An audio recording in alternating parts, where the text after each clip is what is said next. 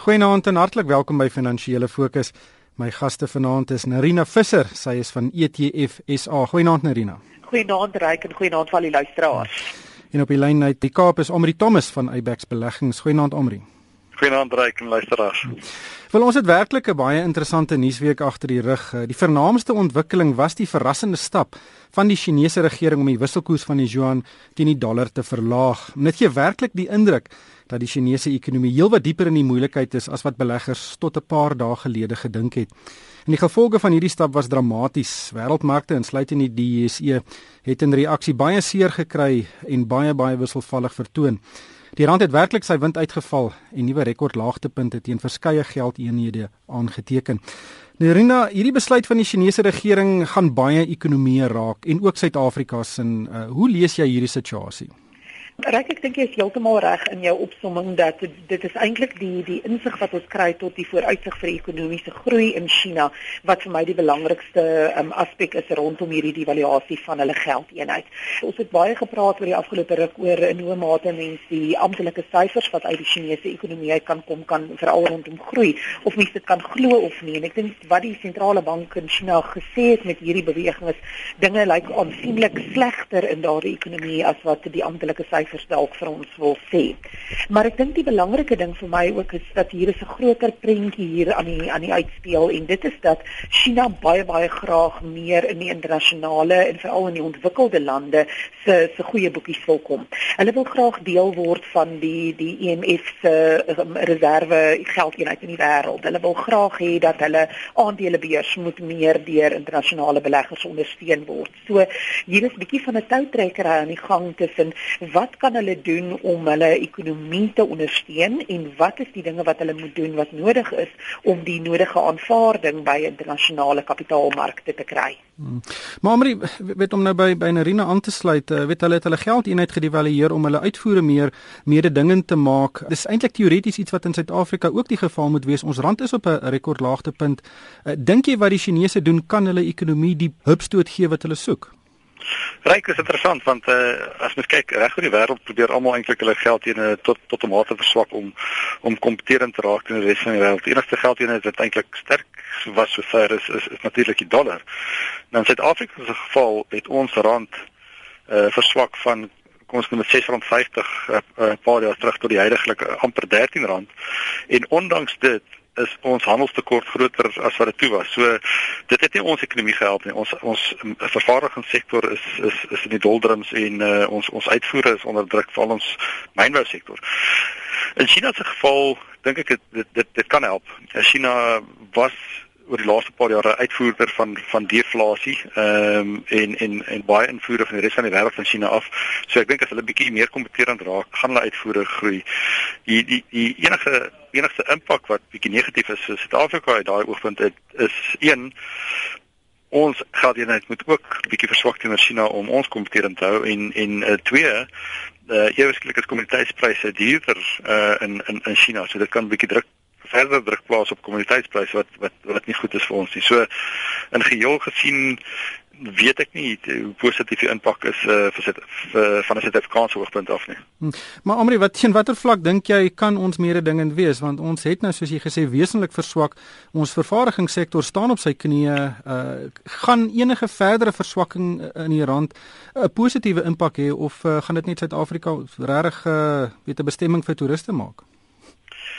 Ja, ek sê goeie vraag. Ek dink die die groot ding ons eintlik kom te maak is om 'n gunstige beleggingsklimaat te skep wat kapitaalspandeerders ehm um, sal lok om vervaardigingskapasiteit in Suid-Afrika te vestig. Uh, so ek ek dink nie dat ons teen huidige randvlakke nie so seer kompeterend is nie. Is ek ek dink net nie dit is 'n gunstige beleggings of omgewing om om kapitaal te spandeer nie. En ons sien dit dat al ons maatskappye uh eerder hulle kapitaal oorsee vat as as dit hulle plaaslik uh, spandeer. So so ek dink as mens dit net van die geld hê net afhang kan ek sien dat ons nog wesentlik moet eh uh, deprecieer van van hier af uh, voor ons werklik daai beleggings sal lok. Alhoewel ons rand op die huidige vlakke eh uh, oorverkoop lyk, dit lyk of dit al eintlik te ver geval het, maar ek dink dit is oor ons fundamentele faktore dat die dat die rand so swak is. Hmm. Nerina, een ding wat vir my ook uitgestaan het is die manier waarop die Chinese regering hierdie devaluasie uh, weet in werking gestel het. Weet Amerika waarsku al vir meer as 'n jaar dat hulle rentekoerse gaan verhoog. Uh, weet da, dit gaan geen verrassing wees indien rentekoerse later vanjaar in Amerika styg nie. Maar hier kom die Chinese, hulle gaan sit in 'n vergadering, hulle gesels oor hoe hulle ekonomie kan stimuleer. Hulle stap uit en boem. Hulle devalueer hulle hulle geldeenheid en uh, hulle lyk nie eers of hulle bekommerd was op daai stadium oor die reaksie van die mark nie. en en dit is seker hoe 'n sentrale bank behoort te wees. Hy behoort nie bekommerd te wees oor hoe die die uh, veral die kapitaalmarkte gaan reageer op besluite wat hy neem nie.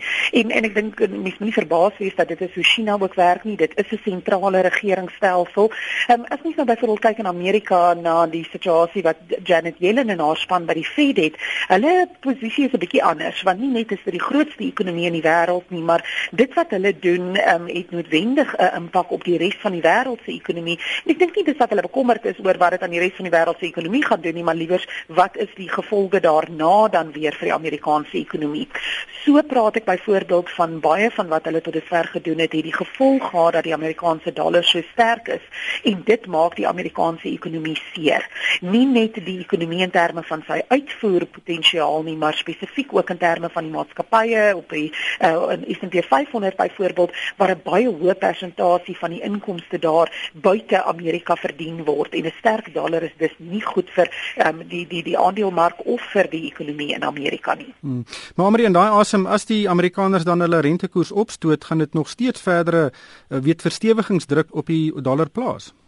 Ja, absoluut reg. Die uh, sentrale reservebank het hulle bietjie 'n hoek geverf. Hulle sê nou al vir so lank hulle hulle moet rente hulle gaan rentekoerse op opskuif dat hulle 'n bietjie kredietwaardigheid gaan verloor as as hulle dit nie doen nie. So ek dink nie dit gaan ek dink dit sal vir 'n verrassing wees vir die mark as hulle dit uh, 25 basispunte uh, opskuif nie, maar uh, ek dink wat ons vorentoe gaan sien is dat hulle gaan uh, baie langer vat voor hulle die volgende skuif maak. Dis een punt.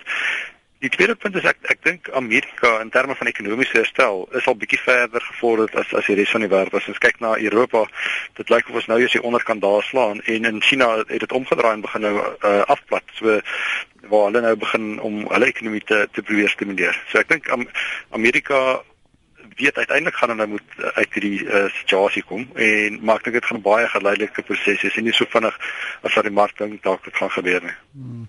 Ehm um, Nerina, ek wil die gesprek verskuif na loononderhandelinge in die plaaslike ekonomie en ons het hierdie week gesien hoe uh, die onderhandelinge in die goudsektor uh, in 'n doodloopstraat uh, ingery het en dit gaan waarskynlik op 'n staking uitloop in 'n tyd wat ons uh, ekonomie dit werklik nie kan bekostig nie. Uh, die partye is nog wêrelde uitmekaar, vakbonde eis uh, tot 100% uh, verhogings en die myne bied tussen 8 en 13% aan. Wat sê jou kristalbal oor wat in daai sektor gaan gebeur? Ag, oh, hier ek ek is so jammer dat my kristalbal sê ongelukkig dinge lyk glad nie goed nie en ek dink vir my die hartseer saak hiervan is is dat ons ons het hierdie fikal gesien. Dis nie die eerste keer wat hy wat hy speel nie. Ek dink ons is dalk nou al in seisoen 7 of 8 van hierdie tragedie.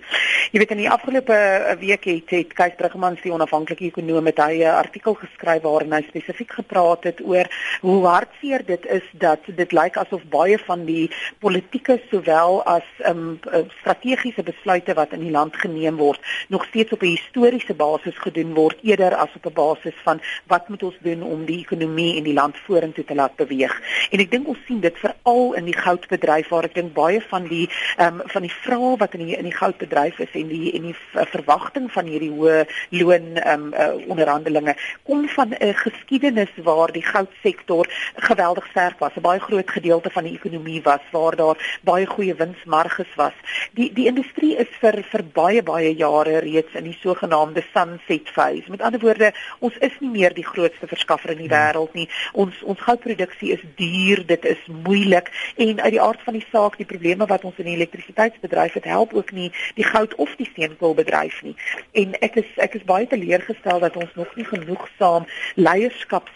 sien tussen die drie belangrike partye die regering die maatskappye en die en die unies om saam te sit en te sê wat kan ons doen om die volhoubaarheid van hierdie mynbedryf van ons te verseker dit gaan baie net oor wat kan ek as as individuele party kry uit hierdie proses hmm. uit eerder as om te sê hoe verseker ons die volhoubaarheid in in die toekoms. Hmm.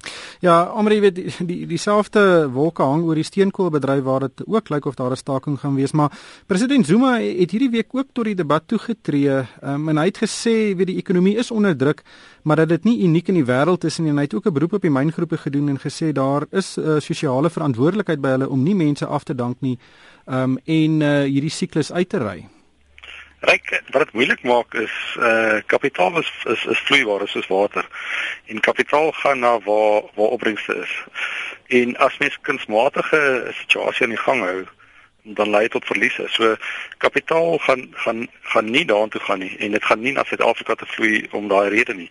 So ek dink dit is wat nodig het om ons ons mynsektor uh weet te stabiliseer en in gang te kry buite uh kommoditeitspryse wat opgaan maar baie van ons uh, ons myne moet geherkapitaliseer word maar daar's daar's 'n manier dat beleggers verdere kapitaal gaan gaan spandeer in Suid-Afrika as as daar nie 'n uh, kompeterende werks werksomgewing werksmagomgewing is nie en as as jy gedwing word werkers aan te hou ondanks verliese wat die maatskappye ly. Ja, maar dit is maklik om te sê, jy weet, die myne, ons gaan verliese ly en maar daar was baie vet jare gewees hierso was, in die laat 2000s. Wat het met daai kapitaal gebeur? Is dit nie teruggeploeg om miskien produksiekoste nou af te bring nie of is dit maar net so aan aan aandeelhouers uitgekeer? Dit is 'n baie goeie vraag. Is ek dink daar was baie verkoeste spandering. Uh mens dink aan iemand soos soos soos Anglos wat reg aan die aan die top van die mark hulle kapitaal spandeer het om op om hulle eie aandele terug te koop. Dieselfde met met met Kumba Iron Ore en en nou dat die kapitaal nodig is, is is daar nie kapitaal nie. Maar dit is nou waar ons is en uh as as dan nie nog kapitaal inkom nie, gaan die gaan die banke die deure begin toemaak op op van die maatskappye. Ehm um, so ek dink ons is in regtig 'n krisis omstandighede en, soos Mirina sê, daar's min van ons industrie wat regtig leiers is in in terme van produksie in die res van die wêreld. So as as ons ysterheidsindustrie ondergaan, ehm um, gaan dit nie regtig 'n impak hê op die op die res van die wêreld en op die res van die wêreld se pryse en die impak hier op Suid-Afrika, maar nie op die op die res van die wêreld nie. So ek dink daar was 'n daar's 'n kompromie tussen tussen ander partye, maar op die oomblik is dit soos Nerina ook gesê het, elkeen elkeen vir homself en dit lyk nie of daar 'n begrip is uh, en ja. samehorigheid is onder verskillende partye om te sê kom ons kyk om 'n volhoubare situasie te skep wat werk skep wat uh, opbrengs op kapitaal gee vir vir aandeelhouers en wat langtermyn volhoubaarheid van 'n industrie in Suid-Afrika verseker nie. Ja, ek dink daar gaan verseker kompromieë van albei kante af moet kom. Hier is nie 'n regte en 'n verkeerde antwoord op hierdie ene nie. Maar Narina, ehm um, Eskom het ook skynbaar weer 'n verhoging aansoek om 'n verhoging van 25% in sy tariewe by die reguleerder Nersa ingedien. Ehm um, en dit volg pas nadat 'n vorige aansoek van 25% afgekeur is. Eh, dit lyk my hierdie gaan 'n tema word. Uh, Eskom soek 25% elke jaar. Ja, en weet jy ek aan aan die een kant kan mens verstaan hoekom hulle dit nodig het of hoekom hulle dit wil hê. Hulle het die kapitaal definitief nodig om die nodige onderhoud en en uitbreiding te doen. Maar terselfdertyd ook ehm um, jy weet uh, dink ek is dit 'n bietjie 'n bietjie opportunisties van hulle.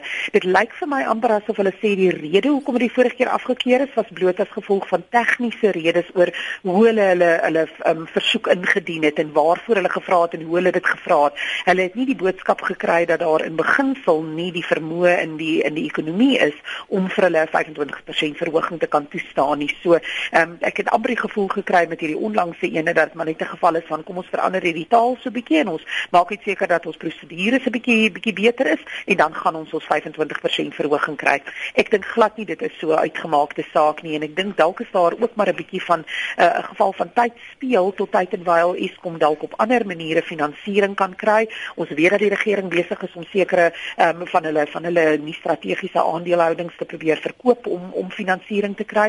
En dan is daar natuurlik die vooruitsig van die nuwe sogenaamde BRICS bank, die ontwikkelingsbank waar ek dink ehm um, Eskom dalk een van die eerste partye sal wees wat aan die deur van gaan klop van finansiering van die BRICS bank. En ehm um, ek dink nie die 25% per jaar is is iets wat die Suid-Afrikaanse belastingbetaler kan betaal of sal hoef te betaal nie, maar ons het definitief nog 'n paar jaar voor wat wat wat die boeke nie gaan klop wat Eskom aanbetref nie. Hmm. Ja, Amri, uh, weet die, die adjunkpresident uh, Cyril Ramaphosa het hierdie week in die parlement verwys na die Chinese model van staatsbeheerde maatskappye en en weet dan hy het so ge, ge, geskimp dat uh, ons daai voorbeeld kan volg en natuurlik is daar 'n klein deel van privatisering betrokke by die Chinese model en dit is baie positief.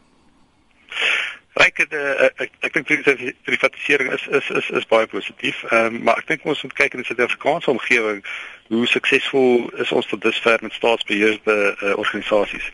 In China is daar is daar baie modelle van hoe suksesvol dit toegepas is. Ongelukkig in Suid-Afrika is die staatsbeheerinstansies lei geweldige verliese en op die einde is dit die belastinghouers wat daarvoor betaal. Mens kan net op begin opnoem en dit is dit is reg oor. Ehm um, as mens bietjie korporatiewe beginsels begin kry in, in staatsbeheerde organisasies dan dan dan uh, sal dit fantasties wees, maar daar daar's min wat vir my sê ons gaan daai model suksesvol hier kan toepas. So ek is ek is meer skrikkerig daarvoor as as wat ek uh, positief daaroor is. Hmm. Net laastens wil ek hom op 'n positiewe noot afsluit uh, en en dis dat Amazon Ehm um, dis natuurlik die reuse internet kleinhandelaar. Ehm um, hy gaan 'n groot kantoor in Johannesburg open, Amri en uh was niks klein omtrent Amazon hulle gaan 250 ingenieurs en IT of en tegnologie spesialiste aanstel om daai kantoor te beman. En dit wys weer eens dat Suid-Afrika is tog die voordeur tot die res van Afrika. Yes, reg, dit is dit is regtig 'n uh, goeie nuus. Amazon is 'n ongelooflike maatskappy en en met met diep sakke. So ehm um, dit is fantasties dat hulle uh, kapitaal hier kon spandeer. Net uh, net interessant. Die aandeel self, as mens 10 jaar terug 100 000 rand belê het in in Amazon was dit vandag so 2.6 miljoen rand werd. So die aandeel self geweldig goed gedoen. Het jy dit gedoen? Kyk. Ons het daarom 10 sent gehad uh, deur Nasdaq en en daai uh, 100 000 het so 26 miljoen rand geword. maar uh, dit dit dit is ons kliënte se portefeulje so ongelukkig het ek nie te veel self gehad. maar uh, ja, dit Amazon doen ongelooflik goeie werk. Hulle doen ook 'n uh, konsolidasie besig met konsolidasie reg oor die wêreld. So ek dink vir Suid-Afrika en vir ons uh, vir verbruikers veral gaan dit regtig die, die kompetisie opwarm en en dit kan net positief vir ons as verbruikers wees. Hmm. En ek dink vanuit 'n beleggingsoogpunt is ek seker daarvan daar's heelwat Suid-Afrikaanse beleggers wat graag wil sien dat dat Amazon dalk ook 'n um, kom 'n uh, sekondêre lysing op die JSE kan kom doen. So daar's definitief 'n geleentheid. Kom ons hoop dat die JSE terwyl ons die afgelope week hulle goeie resultate gesien het, dalk ook 'n bietjie daaraan Amazon se deur sal gaan klop en sê hier's 'n hier's 'n ander huis vir julle in Afrika ook. Ja, dit sal verseker 'n goeie nuus wees. Maar ongelukkig uh, hierdie tyd ons ingehaal. Baie dankie aan Arina Visser van ETFSA en Amri Thomas van Eyebax Beleggings en van my ryk van die kerk. Dankie vir die saamluister en ek koop werklik almal 'n winsgewende week.